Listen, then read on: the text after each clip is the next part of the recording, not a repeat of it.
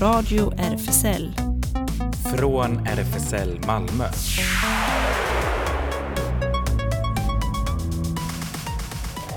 Välkommen till Radio RFSL, Riksförbundet för homosexuella, bisexuella, transpersoner, queeras och intersexpersoners rättigheter. God dag, god dag. Jonas heter jag, Claes sitter bredvid mig. Yes, hallå hallå. Och här sitter Ellen på andra sidan glaset.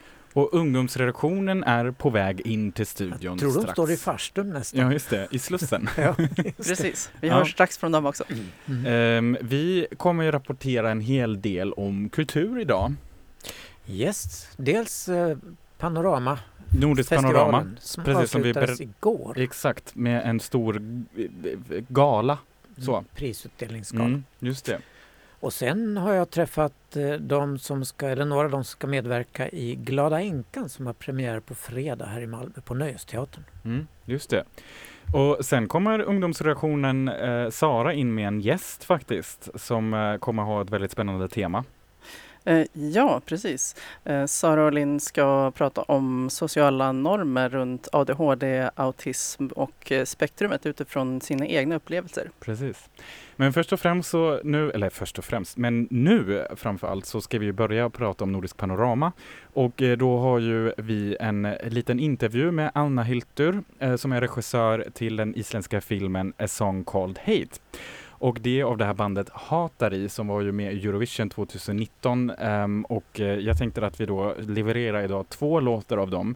Vi kommer förklara sen också varför. Men Mm. det här är den Eurovision-låten då som vi börjar med nu som heter Hatrith mun sikra. Eh, och det är då Hate mm, eh, will prevail.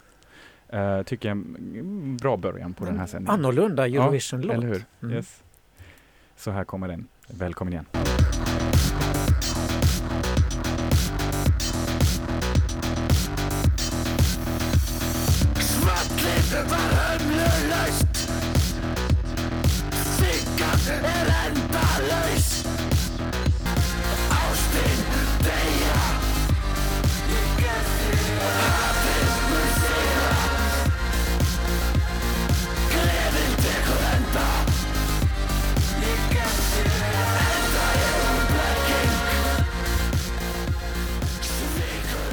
Har vi ungdomsredaktionen inne också. Välkomna!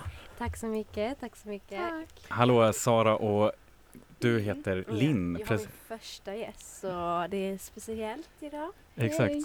Vi får höra ju alldeles snart mer av er. Men nu måste vi förklara till er som precis klivit in varför det blev så här isländsk hardrock-punk. Och man kan ka- nästan kalla det för BDSM-punk. Ja, verkligen. De är Eller hur? klädda som BDSM. Mm. I riktigt fina läderdräkter. Eh. Med Så. nitar Exakt. överallt. Ehm, och det här var ju musik då, det är ju ett riktigt band som finns på riktigt från Mm. Island och eh, var med på Eurovision i eh, Tel Aviv som var ju väldigt omtalat 2019. Och det har man gjort en film av då och det var Anna Hiltur som har gjort en film om den här. Just det, A Song Called Hate. Precis. Och i den filmen så får man ju följa bandet eh, som är verkligen så här två kids från Island som eh, tycker och är roligt och de är kusiner och de gör musik och de eh, älskar att utmana media. De älskar att vara generellt väldigt provocerande. De vill inte vara med i Eurovision. Egentligen. Normbrytande. Exakt, Ja. väldigt Ja. normbrytande faktiskt. Jag älskar allt normbrytande så det är så här min Ja. Okej, Då rekommenderar vi verkligen den här Ja. filmen. borde se. Den bryter normer på många sätt. Ja, tankeställare. Ja. Det gillar jag. Och bandet eh, bröt ju också normer för att de hade bestämt sig för att när de var i Israel, i Tel Aviv, skulle de göra ett statement för Palestinas sak. För det första får man väl också lägga till då att de som sagt inte hade ens i åtanke att hamna i, i, eh, i, eh, på Eurovision överhuvudtaget. Vad är man med då? Eh, för Island är ett ganska litet land och eh, de, liksom, eh, de, de var med liksom för skojs skull i den där isländska versionen av Melodifestivalen, tävlade och vann. Och, då Till sin det, egen förvåning. och det var lite roligt också för då hade du så här klassi- stereotypiska Eurovision eh, popsångerskor och liksom så. Och så stod det här bandet, fyra pers, eh, på och, och hade liksom ansikts, uttryckslösa ansikten bara, alltså de jublade inte ens Ja. när de fick beskedet liksom. Det var och det är jätte... så här, vi ville aldrig vara här men här vi är och vi Mm. vann. Exakt, och Så de så alltid så här krossa kapitalismen och liksom så. Mm. Och så får de ju liksom åka till eh, Tel Aviv, men de tar faktiskt också en runda då genom Palestina och startar ett väldigt spännande samarbete. Och under hela filmen så får man följa då liksom hur, eh, hur det går till med att på något sätt inifrån eh, kuppa en festival som i vanliga fall inte kallar sig för politisk, men det blir just den diskussionen att politiken kan inte lämnas utanför. Det är verkligen, jag själv får väl säga att det har varit en eh, det är en sån emotional rollercoaster i den filmen verkligen. Det, det, det Ja. var så här grät och skrattade och Man blev berörd. högt och verkligen. lågt på alla Ja. sätt. Ja. Och det är intressant med Radio RFSL är vi stannar Island och eh, deras. Vi- vi- Hur många gånger har vi snackat om Island? Men det är just för att det är nordisk panorama och då är det ju, Ah. eh, vad heter det? Nordiska kortfilmer och Ja. dokumentärer. det är Precis. det Nordisk panorama vilar. Ja. Mm. Just det. Och den här filmen är ju som du säger en berg och dalbana. Man åker i känslorna upp och ner men den är så sevärd. Eh, igår var det prisceremoni. Filmerna skulle belönas som har deltagit i festivalen. Tyvärr fick inte den här filmen ett enda pris. Nej, Det var sorgligt. just det. Jag röstade ju för att den skulle få publikets pris. Mm. Ja. Och, ehm, men däremot så har vi, fick vi ett snack med regissören Anna Hiltur. Ja, vi fick det igår eftermiddag. Och den inledande frågan var hur träffade hon det här undergroundbandet och hur fick hon idén att göra en dokumentär om dem? So yeah, I knew them since 2016 or 17. They came on the scene in Iceland in 2016. And uh, one of them, the drum gimp, he's also in a band called Work. And um, that's my, uh, my husband is managing them. And so he started helping out Hattara as well. So I had met them a couple of times. And so when you decide that you're going to be a documentary maker, you're always open to stories. And when they handed in the song for the Icelandic Song Contest, I just thought that this might be interesting. So I started thinking about it and talking to them about it. This could potentially be an interesting story if they would win in Iceland and if they would go the whole way to Israel. Then there would be an interesting journey to follow and see if they could get through with their uh, stand on things through this kind of mainstream entertainment machine that this TV program is. So they were quite sort of uh, well established in Iceland, I would say, in the sort of underground scene. And they had made several media stunts with false news and stuff like that. So people were starting to realize who they were and that they were this kind of arts, interesting arts performance group. You, you said there were a lot of ifs during the movie. Um, how is it to make a movie where you don't actually know uh, where's the end? It was really interesting, and I mean, I fully realized that the plan of making a documentary could collapse at any point because they were always rethinking their plans. They were thinking about just the day before they went, they were thinking about not going, and then they were thinking about doing a statement and not going on the main stage. And the, this was just an ever ongoing story. But I think for me, as a newcomer to the film industry, wanting to make an interesting artistic film, but at the same time be true to what was going on. It actually came in handy that I have a journalistic background. So for me, to look at this and use journalism as a tool to go through this journey um, was very helpful. I mean, the the movie had touches a lot of subjects actually, like the Eurovision, and also like as a which has always been trying to establish itself as a festival which is not political. Uh, then you have also even the BDSM factor and like the underground scene from from from the band. I was just wondering how how how was so far because the movie has been shown screened before. How how has the response been so far on your movie? It's also your first, so it's a must be a bit nervous. yes. Yeah, it's um, I mean, I've just been really happy how many festivals have taken it, and it's been nominated to several awards, and so far won two prizes, which has been really rewarding for me. Uh, having this as my first sort of directorial experience, Um but generally the the reactions that I've had have been really, really positive.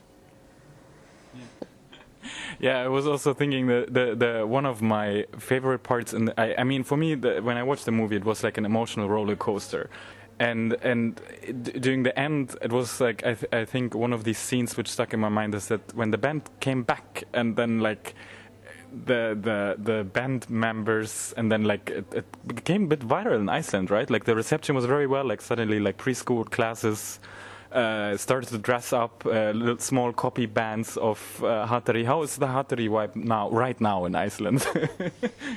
I think um, people are thinking about something different now, but I think Hattari will always be remembered for having been that band and done that thing. And yes, it actually really, the song really got into the heart of Icelanders and even the smallest kind of um, primary school choirs were were singing this song. So I think the song will live with the nation for a very long time.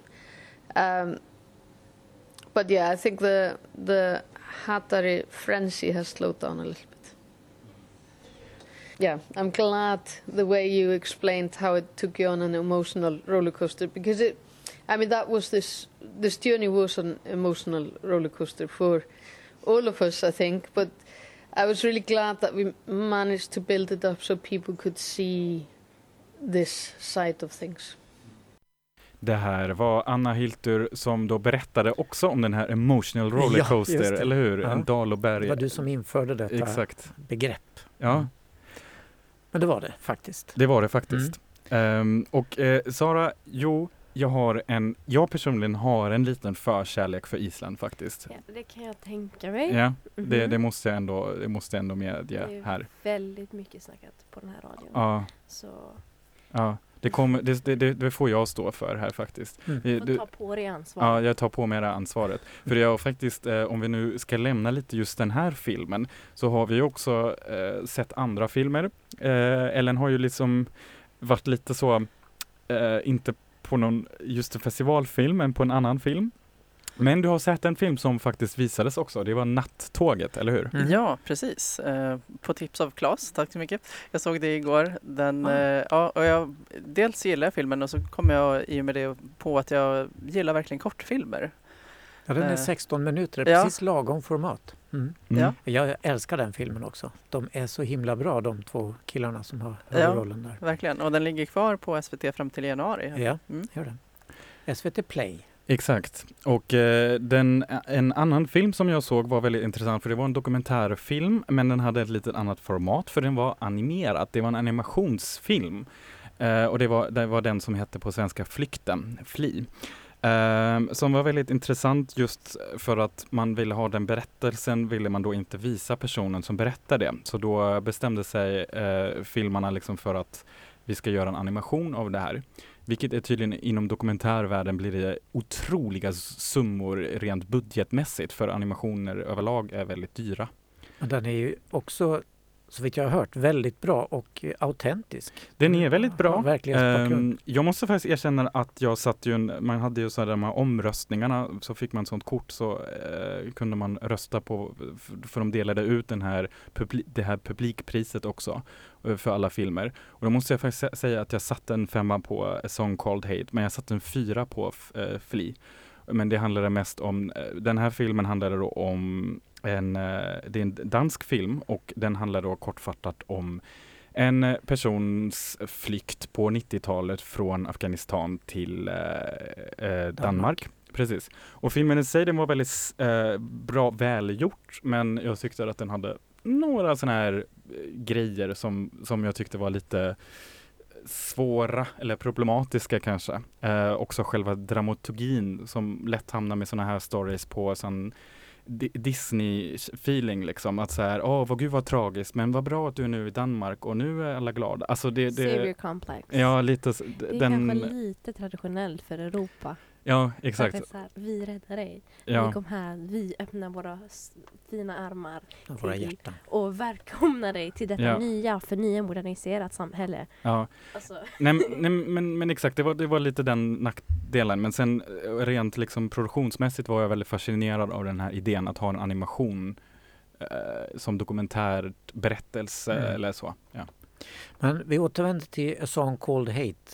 Nämligen bandet Eh, Hattari fick ju kontakt med en, eh, ja, popsångare, en artist i Palestina som heter Bashar Murad. Och tillsammans gjorde de en låt som kom ut förra året. Precis, och den, eh, det var ju kul också för du hade lite eftersläp då efter Eurovision. För då bjöd de ju in honom till eh, Island. Så då fick de inte bara att de gjorde en väldigt intressant musikvideo som jag rekommenderar att alla tittar på. Eh, men så kom han också och turnerade tillsammans med Hattari då. Eh, och så uppträdde de med den här följande låten då, ehm, Kleffi. Kleffi.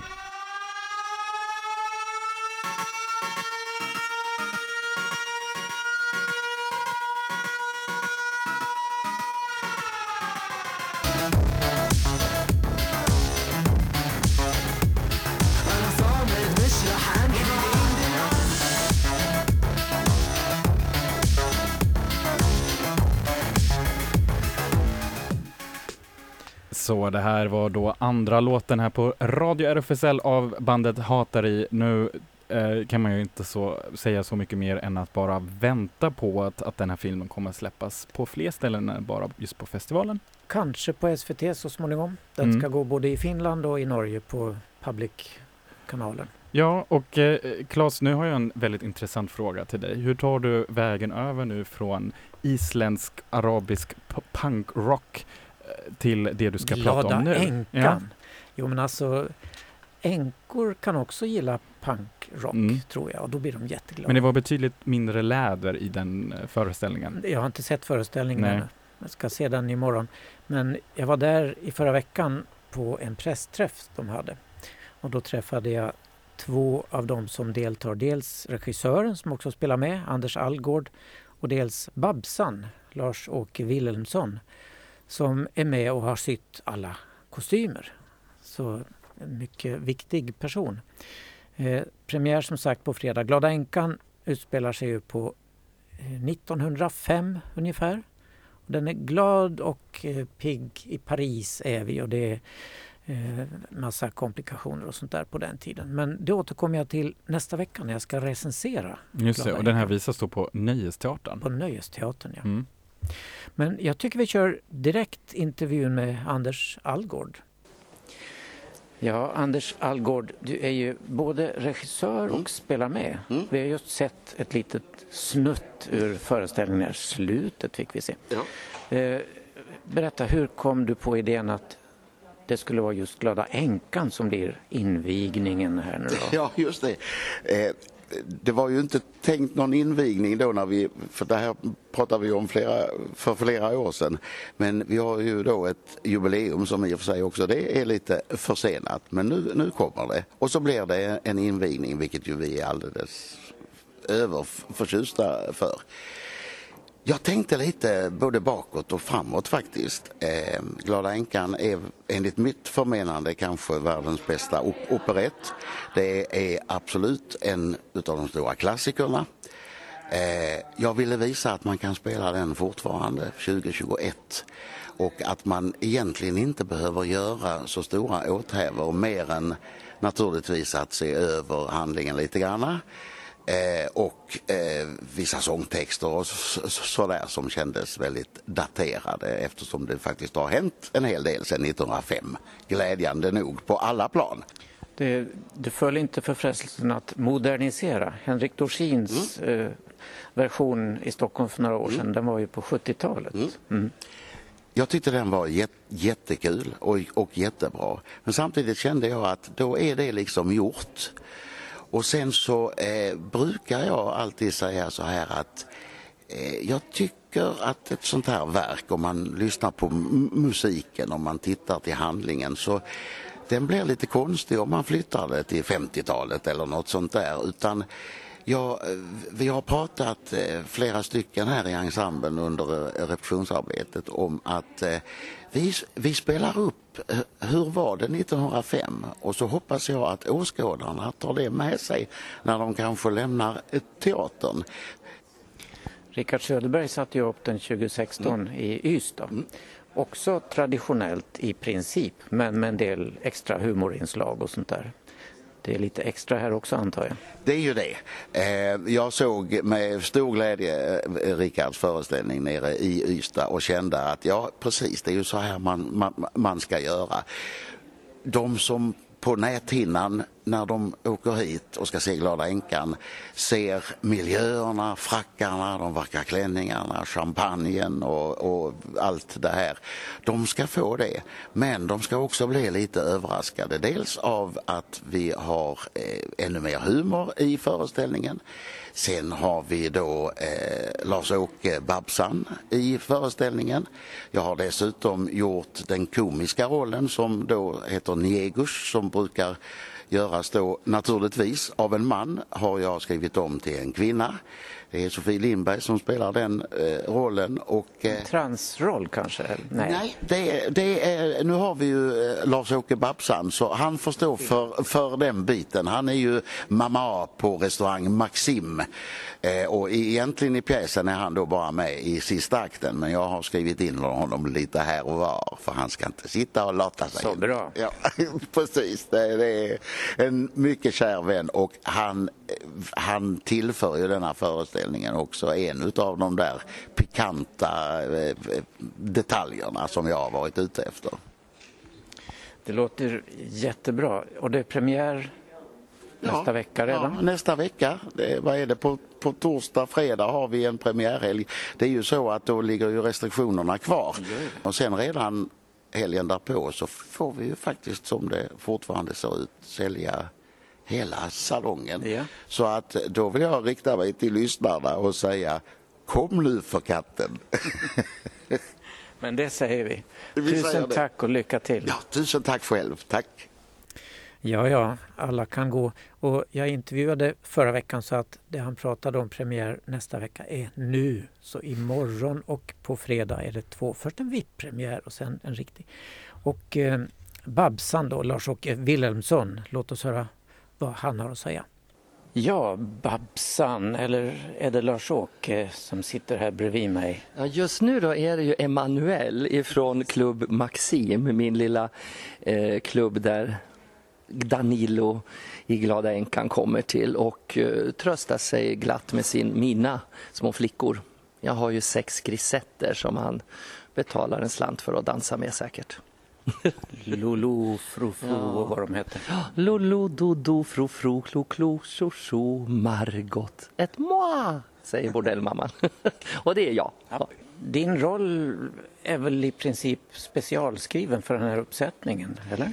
Ja, det är insatt lite för att jag spelar ju också emot Hans Josefsson som skulle ha varit i ett för tidigt stadium Janne Malmsjö som på två års tid har blivit lite äldre och kände att han inte orkar vara med. Så att därför så har det skrivits in lite mer scener, scener för mig och Janne då som jag gör nu med Hans Josefsson som jag hade äran att få jobba med uppe i Gävle när han och jag vi gjorde La Cage au Folle som är en riktig, om man säger hbtq, en gay-musikal. Och då ringde jag och frågade, men nu kan inte Janne för två år har gått och Marie tycker att jag vill inte skissa ner. Han är bra gammal, Janne Malmsjö. Ja, men ja, ska jag vara med och jobba? Ja, men då blir du som typ min partner igen. Ja, då kommer jag, sa Hans. Så Hans och jag, vi har några fina scener ihop och sen är den specialskriven för att jag får gå ner i publiken och vara lite Babsan med Vad kul! Ja, så att eh, gubbarna kommer att få sitt. Jag kommer att anfalla dem och de kommer att sitta osäkra på första och andra bänk. Där hör ni lyssnarna. Exakt, så boka inte långt fram. jo, då, Om ja. ni inte vill träffa Babsan förstås. Exakt. Du har ju god dansträning. Du var ju Ja. tävlingsdansare en gång i världen. Får du användning för det här? Ja, i ett nummer som jag sjunger, det är Vi som är grisetter från parisiska balletter. Lulu, då kommer de där namnen och där gör vi en kang-kang med höga Kjoluppdragningar. Vi visar mameluckerna och vi hoppar i spagat. Och det ville koreografen Sian att jag skulle göra. Eh, Jean heter hon väl? I spagat. Ja, i spagat. Och då sa jag, det gjorde jag i Ystad när jag spelade den med Rickard Söderberg. Ja, det är det jag har sett, sa hon. Ja, men det var fem år sedan, sa jag.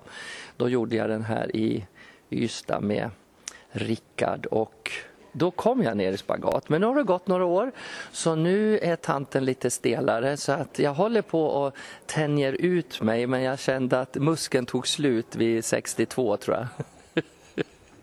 Så nu, nu får det bli, det blir armarna i luften istället. Bearbetningen just nu på den här glada änkan som Anders Algård har gjort är glad och rolig. Det, det är liksom det här mossiga är borta på något vis. Han har inte förstört handling, ingenting, men den har bearbetats till, ja, till, till lite fräschare grejer. Och det är kul. Och jag tror där hjälper jag till lite också med min karaktär som är lite specialinskriven. Så musiken finns kvar, de vackra sångerna finns kvar och så de kryddat till dem med lite, lite Babsan-skämt. Låter jättebra.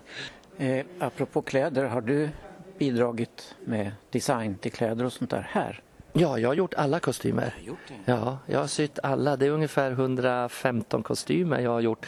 Jag har jobbat hela sommaren och sytt. Och, så att vi, jag har sytt faktiskt det mesta. Så här mycket har jag aldrig sytt själv heller till en uppsättning. Och då har jag fått det exakt som jag vill ha det.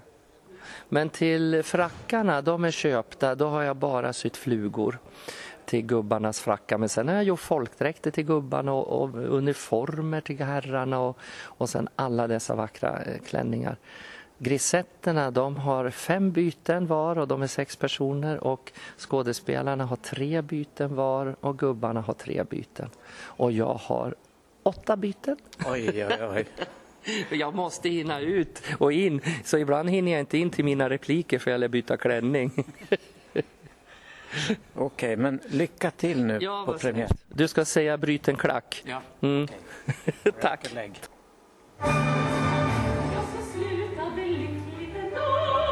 Med en rungande kyss av de två Romantiken segrar igen Slutet gott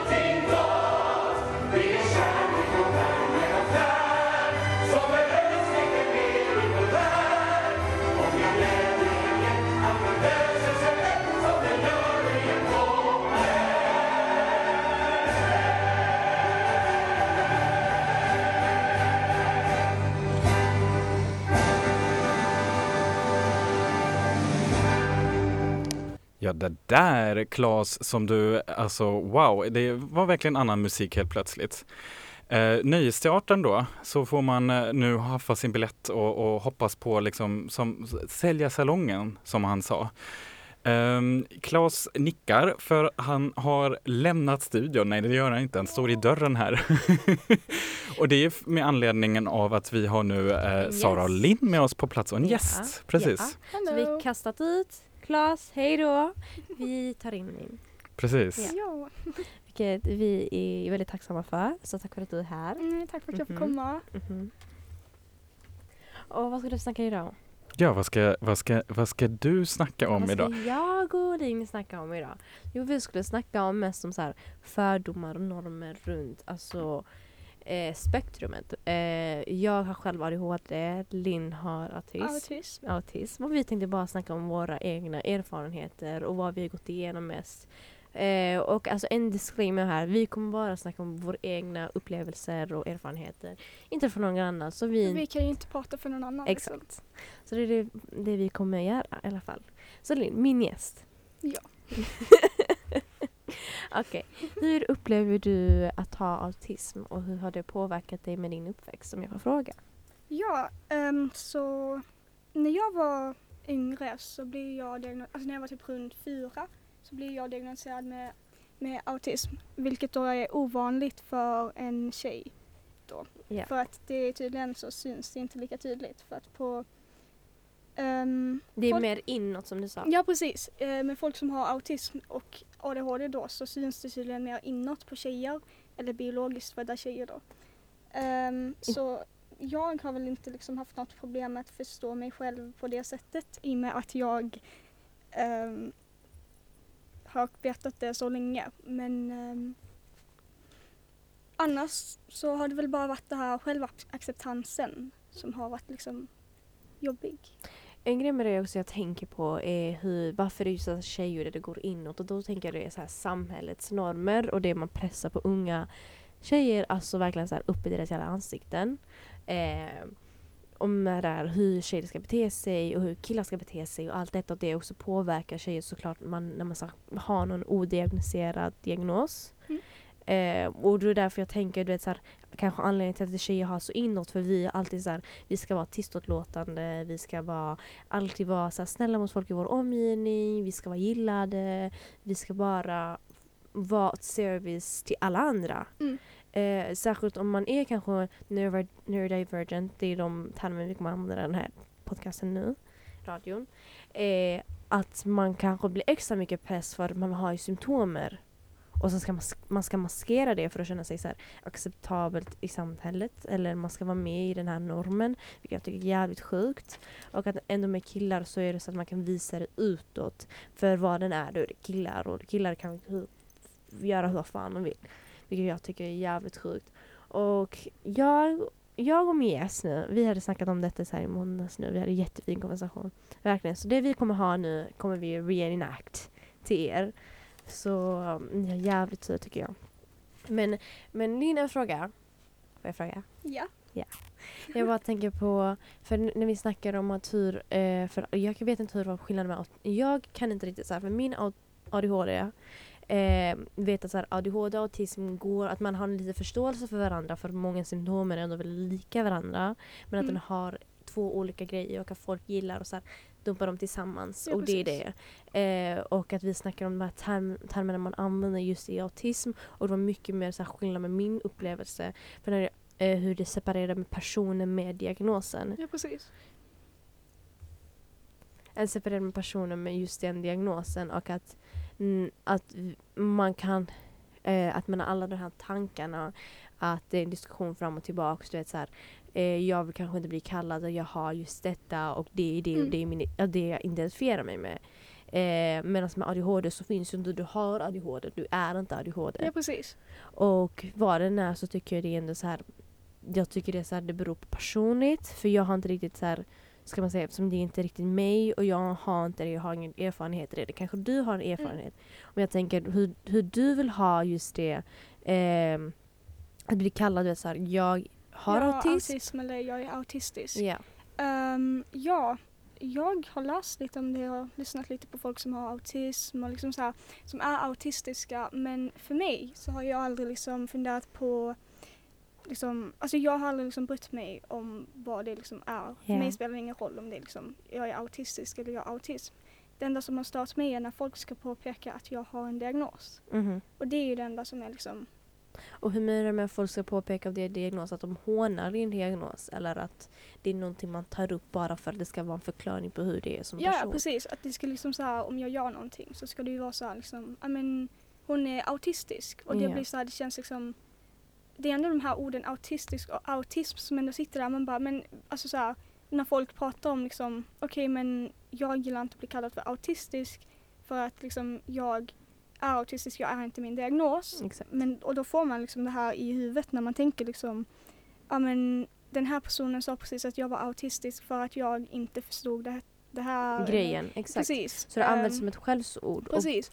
Och då tänker man ju så här, men gillar om jag blir kallad för liksom, om jag alltså om folk säger liksom så här, ja men du har autism. Så då tänker man att liksom så här, men låter det bättre? Men det låter ju liksom inte bättre för att det känns ju liksom fortfarande inte bra. Nej. På grund av allt det här som man liksom hör och ser. Och Exakt.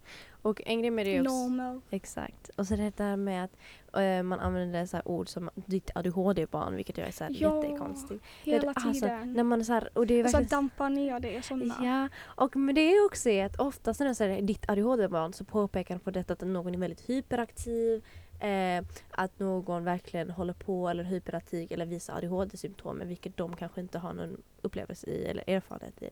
Och att samhället lägger som press på folk som har just en diagnos och innan man är odiagnoserad att det är verkligen så här man kanske inte känner igen sin egen ide- identitet för det är väldigt mycket så att allting blir kopplat till ens diagnos för det är Mm. så samhället tar det. Så Ja, det blir precis. jättekonstigt. Eh, Det är dags för en, en första önskelåt av er Aha. två här. Mm. Vill du avslöja vem, är- vems låt det är här? Det står Apocalypse. Låter ju väldigt, eh, jag vet inte hur den kom in. Sex. Åh, jag älskar den låten. De är jättebra. De är jättebra och vi kommer ha på den låten. Så vi får sätta på den.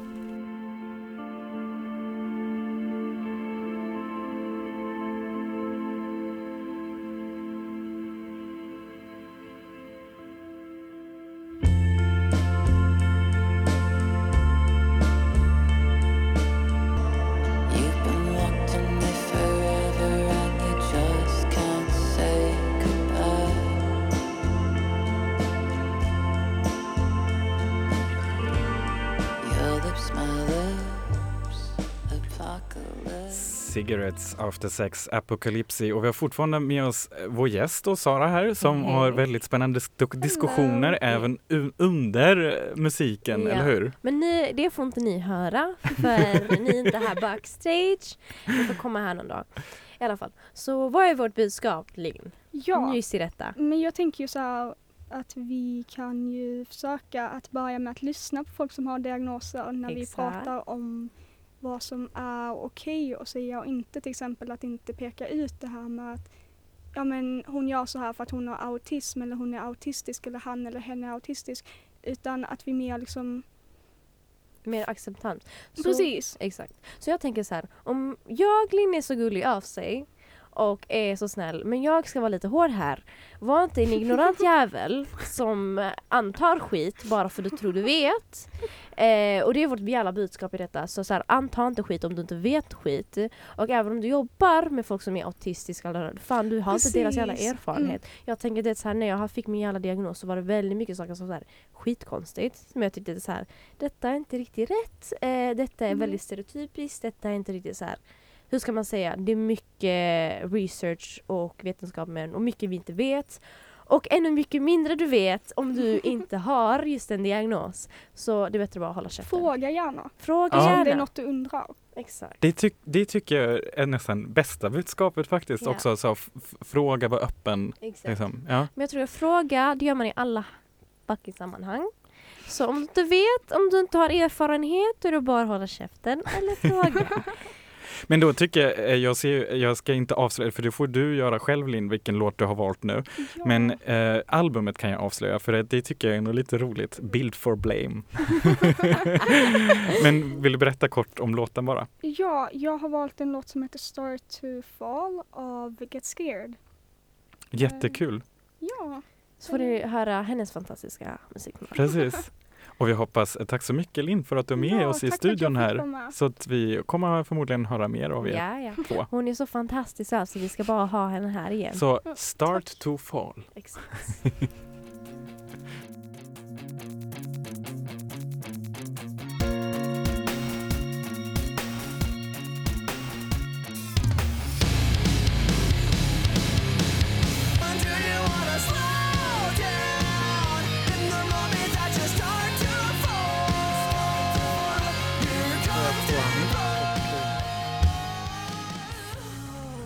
här var önskelåten av Linn och nu blir det dags för nyheter. Radio RFSL Nyheter. Ellen såg lite fundersam ut som att det inte skulle bli några Ja, nyheter. nej, det var lite mycket på en gång. Ja. Nej men det, det, det förstår vi. Ehm, och eh, nu i vårt nyhetsmanuset då ska vi börja faktiskt eh, med inte så roliga nyheter. Efter uppgifter om att eh, specialförband av talibaner aktivt spårar upp misstänkta homosexuella för att döda dem direkt eller dra dem inför domstol med dödsstraff som följd, som vi berättade om eh, här i radion förra veckan, startade nu faktiskt Regnbågsfonden, så det är ändå bra nyhet kanske i det i måndags en insamling för att hjälpa hbtqi-personer att lämna landet. På ett drygt dygn hade det samlats in över 800 000 kronor via Regnbågsfondens egna kanaler och deras ambassadörer som bland andra Jonas Gardell har budskapet snabbt nått ut och stöd swishats in. Och vi kan också länka ut eh, en länk till kampanjen så kan man klicka in sig där och hjälpa till om man känner för det. Och I söndags genomfördes Kiev Pride och det blev en mäktig manifestation för hbtqi-rättigheter i Ukrainas huvudstad. Veckan innan hölls Pride i den ukrainska staden Charkiv. Festivalen arrangerades av Sfera, en av RFSLs partnerorganisationer. På RFSLs hemsida citeras arrangörerna som säger Paraden gör det möjligt för alla stadens hbtqi-personer att samlas och öppet visa sina riktiga jag.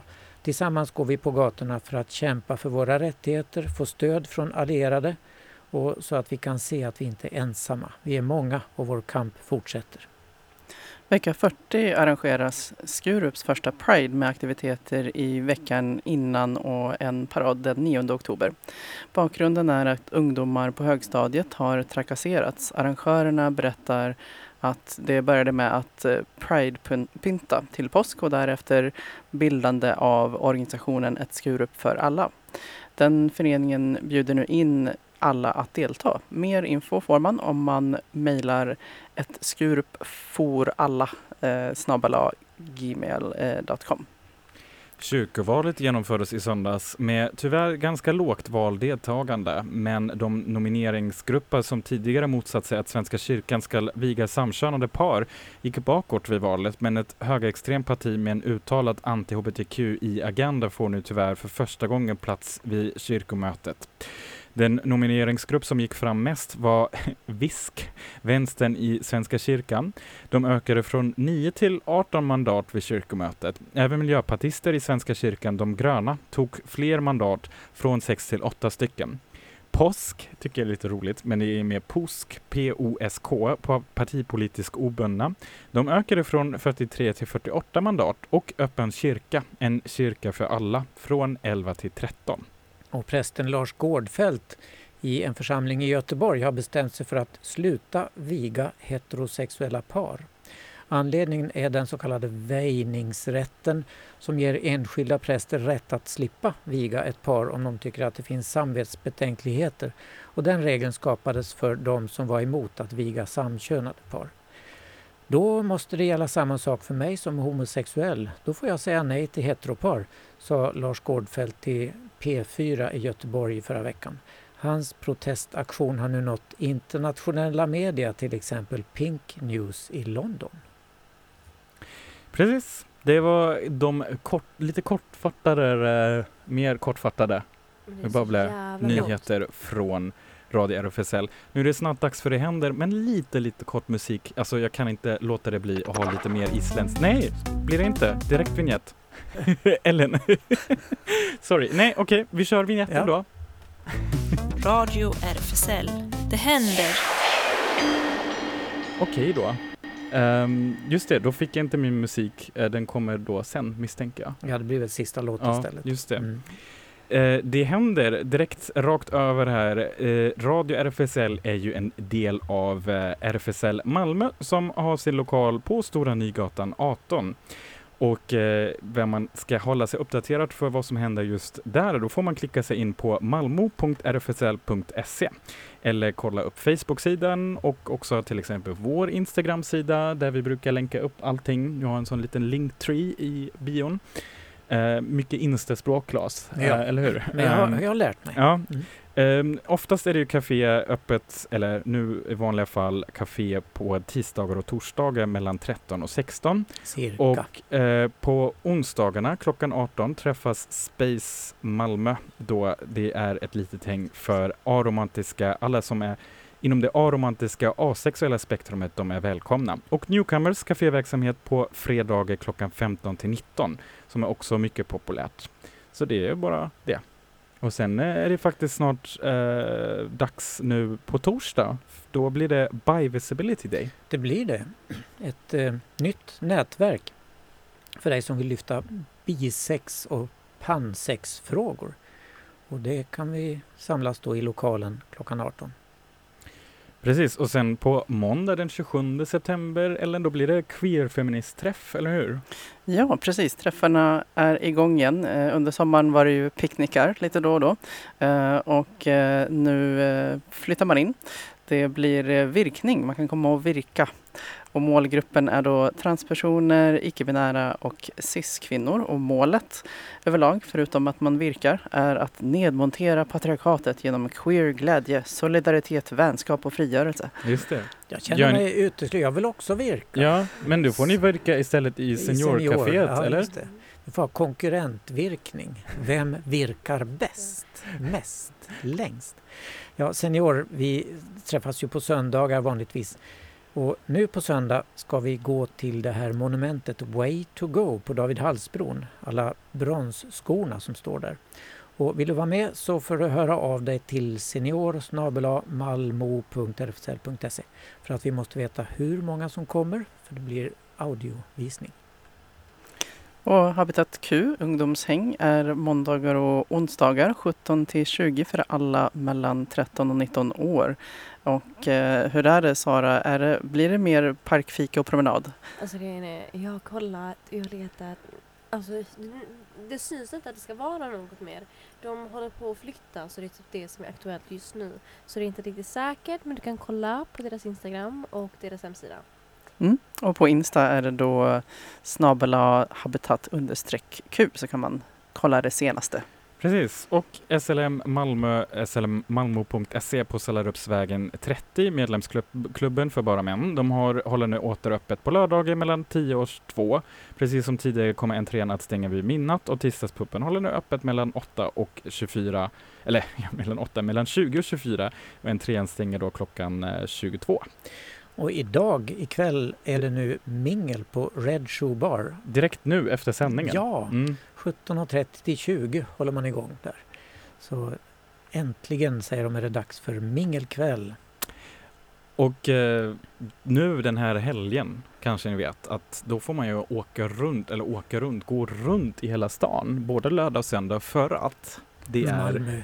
Gallerinatten. Ja, gallerihelgen och eh, det verkar vara fullspäckat eh, på Konstfrämjandet Skåne och Malmös mångfacetterade konstscen eh, som man kan ha tillgång till. Mm, Eh. och det, det, det, börjar faktiskt redan den 24 så det är faktiskt tre dagar, det är en lång helg så att säga. Vad är Och det eh, gör? Ja, alltså det brukar vara egentligen en natt en, som heter Gallerinatten och då brukar alla små konstgallerier och museer och så, de har öppet då på kvällen. Och också att ateljéer öppnar upp så man kan faktiskt eh, se och besöka konstnärerna i sina studiosar och de öppnar upp och berättar. Det finns väldigt många eh, olika genrer också. Allt ifrån liksom målningar, skulptörer, liksom, eh, mycket tecknade serier också. Oftast brukar det vara sådana små studiosar också som, som är med och öppnar upp och så kan berätta dem om sitt arbete. Och sen de stora eh, Moderna Museet och Malmö konsthall och så de brukar också vara med. Och förra året då var det Corona, då hade man lagt det liksom på en hel vecka, vilket blev lite långt och tråkigt faktiskt, för det brukar vara väldigt mycket folk ute på stan, eh, just när det är bara är en kväll. Men nu har man åtminstone stramat åt det så att det blir då tre dagar istället. Eh, vilken tid? Mellan Ellen vet det. 16, sex- 18 och 22. Klas vet det också. Ja.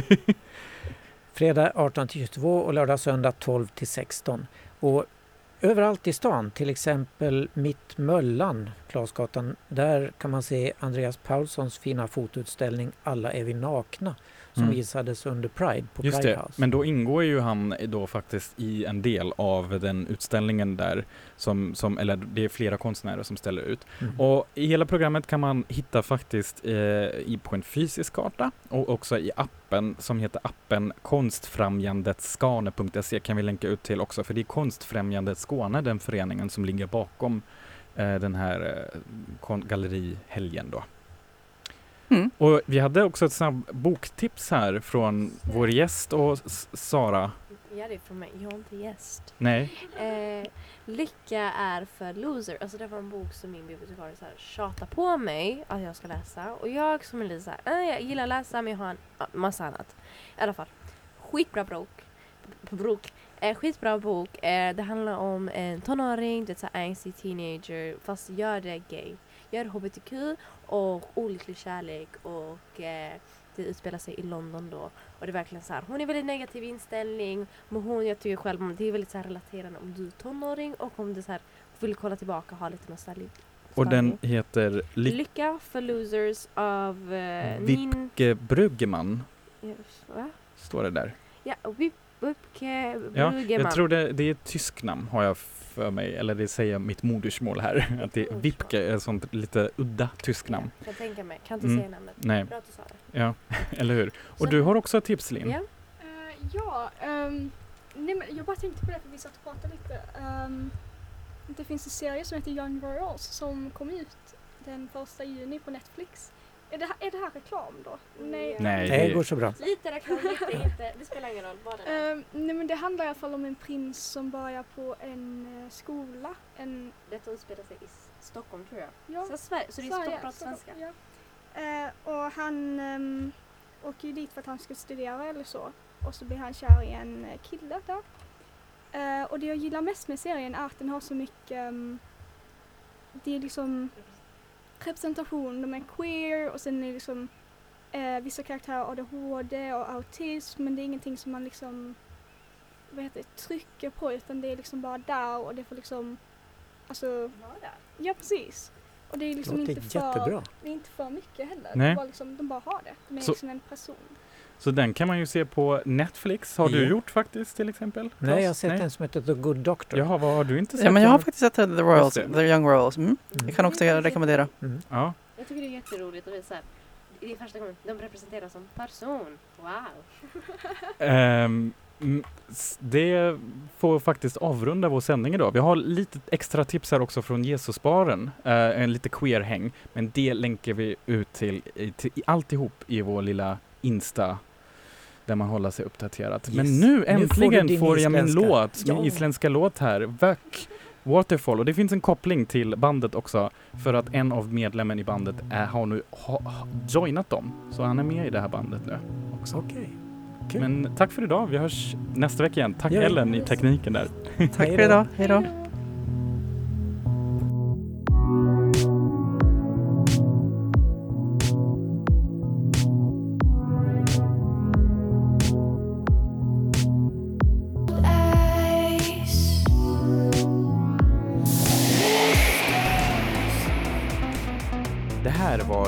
Radio RFSL. Från RFSL Malmö.